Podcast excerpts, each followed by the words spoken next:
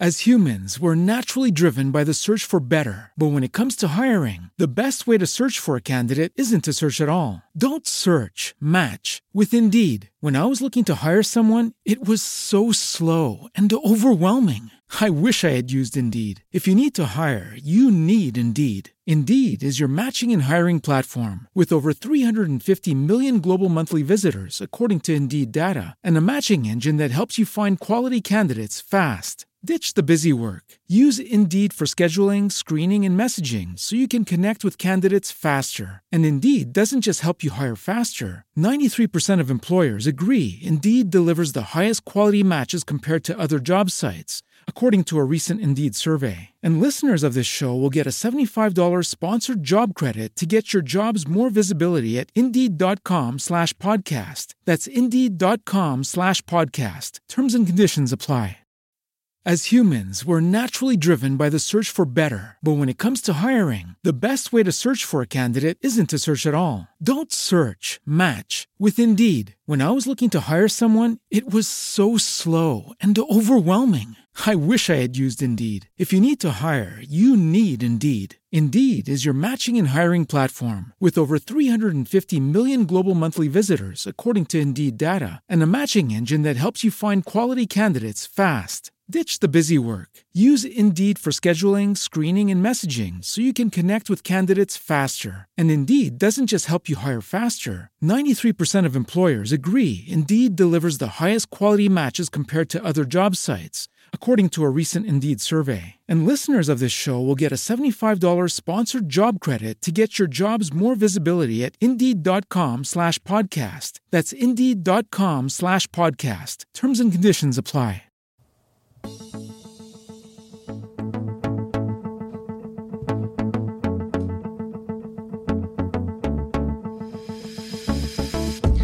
Hola i benvinguts al podcast de l'Aula Creativa Virtual. El meu nom és Paulino García i us dono la benvinguda a aquest nou episodi.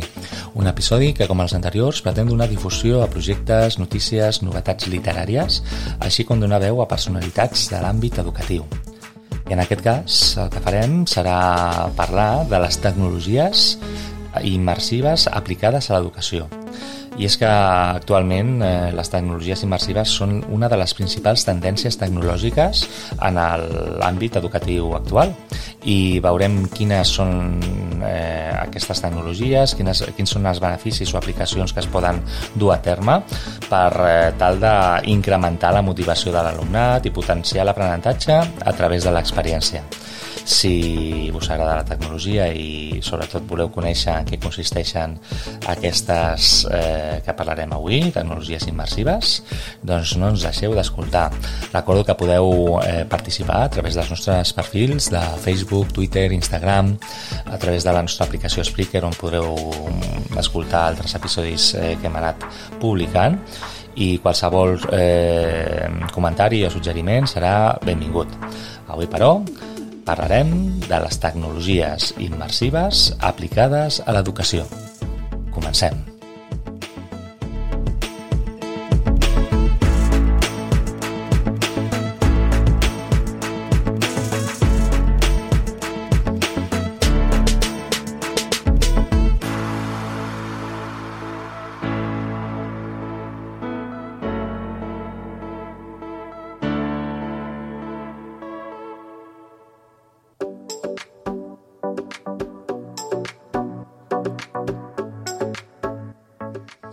Doncs bé, com hem comentat, eh, parlarem avui en aquest episodi de, destinat a les tecnologies, eh, de les tecnologies immersives, que són les principals tendències eh, en l'àmbit eh, educatiu vinculada amb la tecnologia i, i bé, doncs per què parlem avui d'aquestes eh, tendències tecnològiques? Doncs perquè són especialment valuoses per recolzar i millorar l'aprenentatge, la, la capacitació i l'exploració per part de l'alumnat no? i intentar que aquestes contribueixin a la motivació per part de l'alumne per conèixer nous nous aprenentatges, aplicar-los correctament, etc. Eh, I bé, doncs començarem parlant d'un de, dels continguts que, que podem trobar més fàcilment, que són els continguts eh, 360, que estan vinculats amb la fotografia i, a, i amb el vídeo, no? eh, aplicats a l'educació, que són les primeres opcions de fer, per exemple, eh, viatges virtuals. No? Gràcies a aquesta tecnologia eh, els eh, podem realitzar eh, tours virtuals a través de, per exemple, aplicacions com Google Expeditions que permeten eh, només amb, una, amb, un dispositiu, amb un dispositiu mòbil i, i uns visors d'aquests de, de realitat virtual doncs, visitar llocs eh, molt llunyans o, o que són gairebé inaccessibles o per, per cost econòmic que implica viatjar a aquests jocs com per exemple la, la muralla xinesa o viatjar a l'espai exterior, no? amb, amb fer un tour com si fossis una, un astronauta, no? tot això eh, fa possible que, que el mestre pugui transportar els seus, els seus alumnes sense sortir de l'aula a llocs eh, tan, tan xulos com aquest. I és que aquesta tecnologia de fer vídeos o continguts 360 eh, està a l'abast tant de mestres com de professors. Eh, per exemple, hi ha una altra aplicació com eh, per exemple la de Tour Creator de Google on els mestres i professors poden crear excursions virtuals, ensenyar als seus alumnes a elaborar els seus propis tours immersius, bé realitzant fotos eh, en format 360 o imatges imatges a l'estil Street View directament des del seu navegador. I és que mm, aquests vídeos eh, 360 tenen una, gran eh, eina eh, com, a, com a transmissor de històries, no? com en anglès seria amb el concepte storytelling, i que es fa servir moltes vegades en narracions de documentals i situacions de la vida real. I per tant és una, una oportunitat única per eh, transmetre experiències que poden submergir el, els alumnes i els que, els que visionen aquests, aquests continguts amb realitats eh, d'altres persones, amb, amb experiències emocionals i físiques que, que poden millorar la, la capacitat empàtica del, dels alumnes, com per exemple explicar eh, a través de documentals 360 doncs, eh, casos d'assetjament escolar, de, de realitats eh, vinculades amb els refugiats, amb el canvi climàtic, amb la violència, amb, el, amb les guerres. Tot això és una, una oportunitat mm, per implicar l'alumnat en la necessitat de recolzar el, el, a les altres persones, a, a empatitzar amb elles i, i bé, moltes, moltes entitats han fet servir aquest, aquest eh, tipus de contingut per, per arribar d'una manera més clara i més, més impactant eh, als seus destinataris, com per exemple eh, les organitzacions com Metges Sense Fronteres, que van realitzar diferents vídeos en format 360 per eh, explicar el que succeïa en zones de conflicte com a Síria o per transmetre els periples que han de, han de patir els refugiats que, que intenten accedir al, al, món, al món occidental, no? fugint de la pobresa i de la, i de la fam. Una altra de les tecnologies immersives, que alguna vegada hem parlat, és la realitat virtual, no? que permet que els nostres alumnes eh, puguin transformar eh, les aules en entorns i situacions que són difícilment a l'abast en la vida real. No? És una tecnologia que promou l'aprenentatge a través de l'exploració, del descobriment en primera persona, que potencia la construcció del propi coneixement mitjançant la interacció amb una mena de, de món virtual no? i la creació d'aquests eh, entorns de realitat virtual poden eh, possibilitar la, el viatjar a l'interior, per exemple, del cos humà, recor eh, fent un recorregut pel sistema circulatori, descobrir des, eh, des de dins com funcionen les diferents cèl·lules sanguínies, explorar l'antiga Roma eh, o visitar monuments que, que van fer eh, d'aquesta ciutat, una ciutat eh, eterna, no? com es diu, doncs eh, tot això es pot fer a través de, de la realitat virtual. No? És una tecnologia que ens, ens permet la possibilitat de recrear aquests entorns interactius que imiten el món real, però que són més complexos no? i que implica, implica menys, evidentment, menys risc i menys cost. Eh, per exemple, entorns virtuals en els que es pugui ensenyar una tasca perillosa, no? com per exemple aprendre nous oficis, no? eh, tècniques de per soldar, reparació de maquinària, treballs eh, amb electricitat, sense exposar l'alumnat al perill que, i, que implica aquesta tasca no? i proporcionar doncs, a través del, del sistema assaig-error doncs, un ambient segur no? on la seva formació cada vegada sigui més, més completa. No? D'aquesta manera podríem dir que la solució en aquelles situacions en el que el risc físic o, o l'impediment econòmic limita una miqueta la formació, doncs és una manera d'accedir a la mateixa formació sense, sense aquestes limitacions. No? I, I bé, doncs, eh, la creació d'aquest tipus d'entorns també és a l'abast tant de mestres com d'alumnes. No? Existeixen diferents eines de, de software que s'estan fent servir en l'àmbit educatiu per crear mons virtuals o explicar històries i és una manera manera de que els alumnes facin servir aquesta tecnologia per dissenyar mons virtuals i que eh, puguin aprendre també a crear no, aquests mons, no, que també és una manera atractiva no, per ells, no, deixar aquesta iniciativa de, de crear aquests mons virtuals on poden eh, aprendre, eh, poden investigar, poden assajar les vegades que vulguin sense, sense perill per ells i, i bé, cada vegada d'una manera més eficient. Una altra tecnologia que volia comentar és la realitat augmentada, no? que permet, per exemple, que els alumnes puguin visualitzar i manipular objectes en tres dimensions eh, i, per tant, puguin eh, fer que aquest aprenentatge eh, es pugui basar en l'experimentació. No? És una tecnologia eh, que permet la creació de la, eh, models tridimensionals que no s'han d'imaginar i que, per tant, poden, poden tenir relació amb els continguts, poden, eh, pot fer que aquests continguts eh, siguin més fàcils d'entendre de, de, i també eh, bé, existeixen moltes eines no, de software que permeten eh, eh, tant al professorat o com a l'alumne elaborar doncs, eh, diferents tipus de materials, no? fitxes, materials, eh, eh, augmentar, eh, per exemple, els llibres de text tradicionals amb altres continguts més, més entenedors no? I, i poden d'aquesta manera eh, crear mm, dins d'aquesta realitat augmentada doncs, continguts multimèdia on puguin afegir text, imatges, àudio, vídeos complementaris que puguin visualitzar amb un, amb un simple escaneig d'algun codi QR o alguna, algun element més visual que puguin atraure eh, la motivació no, de, de l'alumnat. No? També permet, per exemple, oferir eh, dades rellevants associades a ubicacions físiques concretes, eh, eh, informació sobre llocs d'interès, sobre edificis, monuments, eh, recrear com eren a l'antiguitat eh, civilitzacions, pobles i ciutats, també un altre de, de dels beneficis de realitat augmentada seria el descobriment d'informació de, connectada amb el món real i pot convertir qualsevol espai físic en un, en un espai per aprendre. No? No, és una oportunitat per, per crear aquestes píndoles de, de formació que, que bé, que poden fer servir tant els professors com els alumnes per, per eh, associar informació a llocs d'interès del seu entorn i, i fins i tot crear itineraris didàctics que puguin enriquir aquest, aquest trajecte virtual.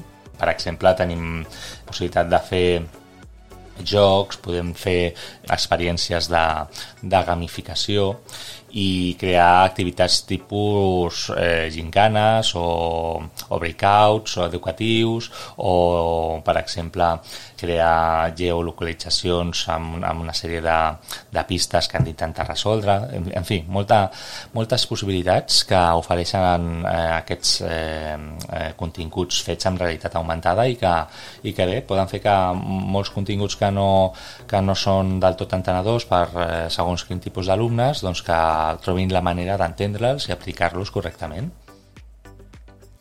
I finalment, avui m'agradaria parlar de la realitat mixta. En aquest, en aquest cas eh, hi ha diferents característiques que mm, poden tenir en comú amb les que he comentat anteriorment, però que en aquest cas eh, té algunes molt concretes. Per exemple, doncs, permet proporcionar hologrames i simulacions tridimensionals en un entorn real que els alumnes poden manipular. Els alumnes interactuen amb models virtuals fent servir les mans de forma directa i natural sense perdre el contacte amb l'espai real. Per exemple, es pot fer a través d'unes ulleres de realitat mixta un, un mateix holograma de, del cos humà en tres dimensions on, on tots poden interactuar de forma col·laborativa, és a dir, mentre el professor va explicant eh, la, la lliçó, l'alumne pot interactuar amb, amb aquest holograma mostrant el sistema circulatori, els alumnes poden respondre preguntes eh, plantejades pel professor al moure i manipular aquest model virtual. I, i bé, amb aquesta realitat mixta el que s'obren són portes per transformar els elements que són més abstractes o intangibles i els converteix en, en elements manipulables i més concrets no? i amb aquest ús eh, d'aquests hologrames és possible proporcionar experiències en primera persona amb elements i fenòmens que d'una altra manera seria impossible i això suposa que la inclusió d'aquesta realitat mixta incrementa o dona un salt qualitatiu a aquelles àrees on resulta més difícil visualitzar aquests, aquests conceptes no? I, i proporcionar experiències on les idees més complexes es converteixen en, en models eh, 3D i els alumnes, eh, clar, a l'experimentar, a explorar i manipular lliurement aquests eh, hologrames doncs eh, els resulta més senzill d'entendre els continguts. A més a més, la, la realitat mixta pot convertir-se en una eina que pugui facilitar l'adquisició la, d'aprenentatges en, en la formació online, ja que a, a l'hora de fer servir aquesta tecnologia mitjançant l'educació a distància, el professor doncs, pot eh, plantejar casos pràctics eh, al, al grup d'alumnes que, que tinguin en aquell moment i els alumnes poden tenir la possibilitat d'interactuar, poden eh, tenir la, la possibilitat de de rebre una retro, retroalimentació en temps real, que poden autocorregir-se i, i, i es poden suggerir eh, accions a realitzar mentre manipulen aquests models tridimensionals i, i bé, hi ha molta, moltes plataformes de, de formació a distància eh, que apliquen aquesta realitat mixta i que possibilita, possibilita també el treball en equip, no? realitzant eh, tasques de forma col·laborativa i, i també millorar, en aquest cas,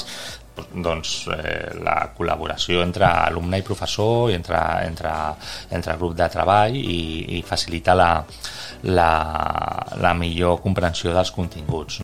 Doncs bé, doncs, eh, totes aquestes tecnologies immersives que hem anat comentant eh, acostumen a, a debatre's en diferents trobades que es fan, eh, que es fan servir per intercanviar ex, eh, experiències eh, vinculades amb, a, amb aquestes tecnologies. No? I una d'elles és la, la trobada que es fa a la Universitat Pontifícia de Salamanca amb el nom Augmentame Edu.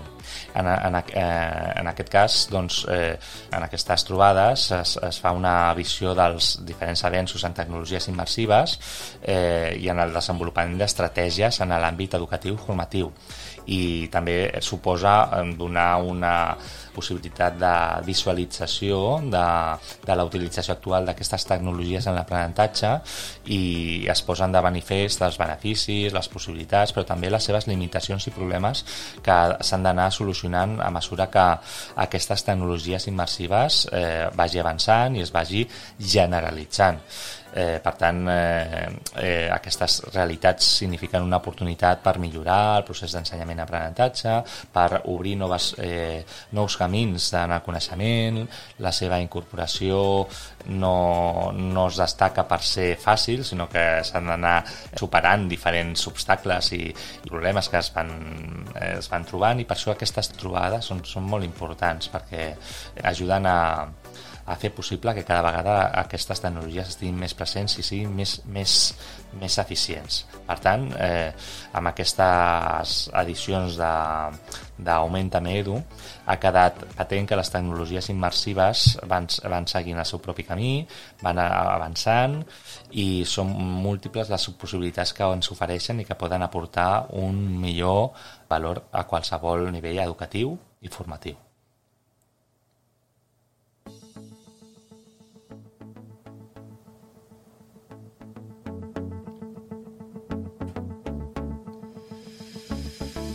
Doncs bé, hem estat escoltant eh, les possibilitats que ens ofereix la, les tecnologies immersives. Hem fet un repàs de les principals, les que es poden fer servir d'una manera més, més productiva a l'aula i com aquestes eh, estan en, continu, eh, en contínua transformació i debat a través de, de trobades com la d'Augmenta Edu i que fan possible que aquestes tecnologies estiguin cada vegada més presents en els nostres eh, espais educatius.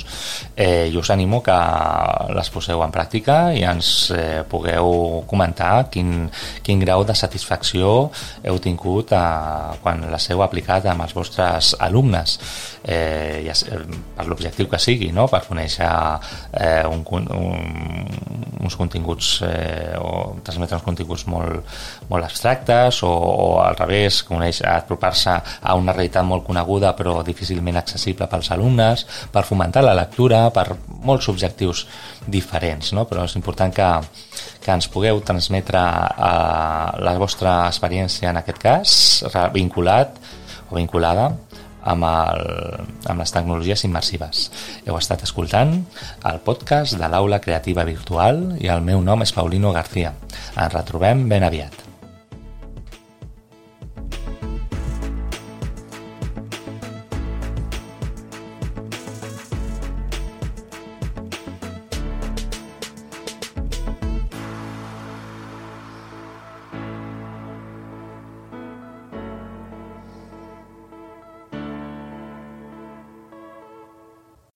As humans, we're naturally driven by the search for better. But when it comes to hiring, the best way to search for a candidate isn't to search at all. Don't search, match with Indeed. When I was looking to hire someone, it was so slow and overwhelming.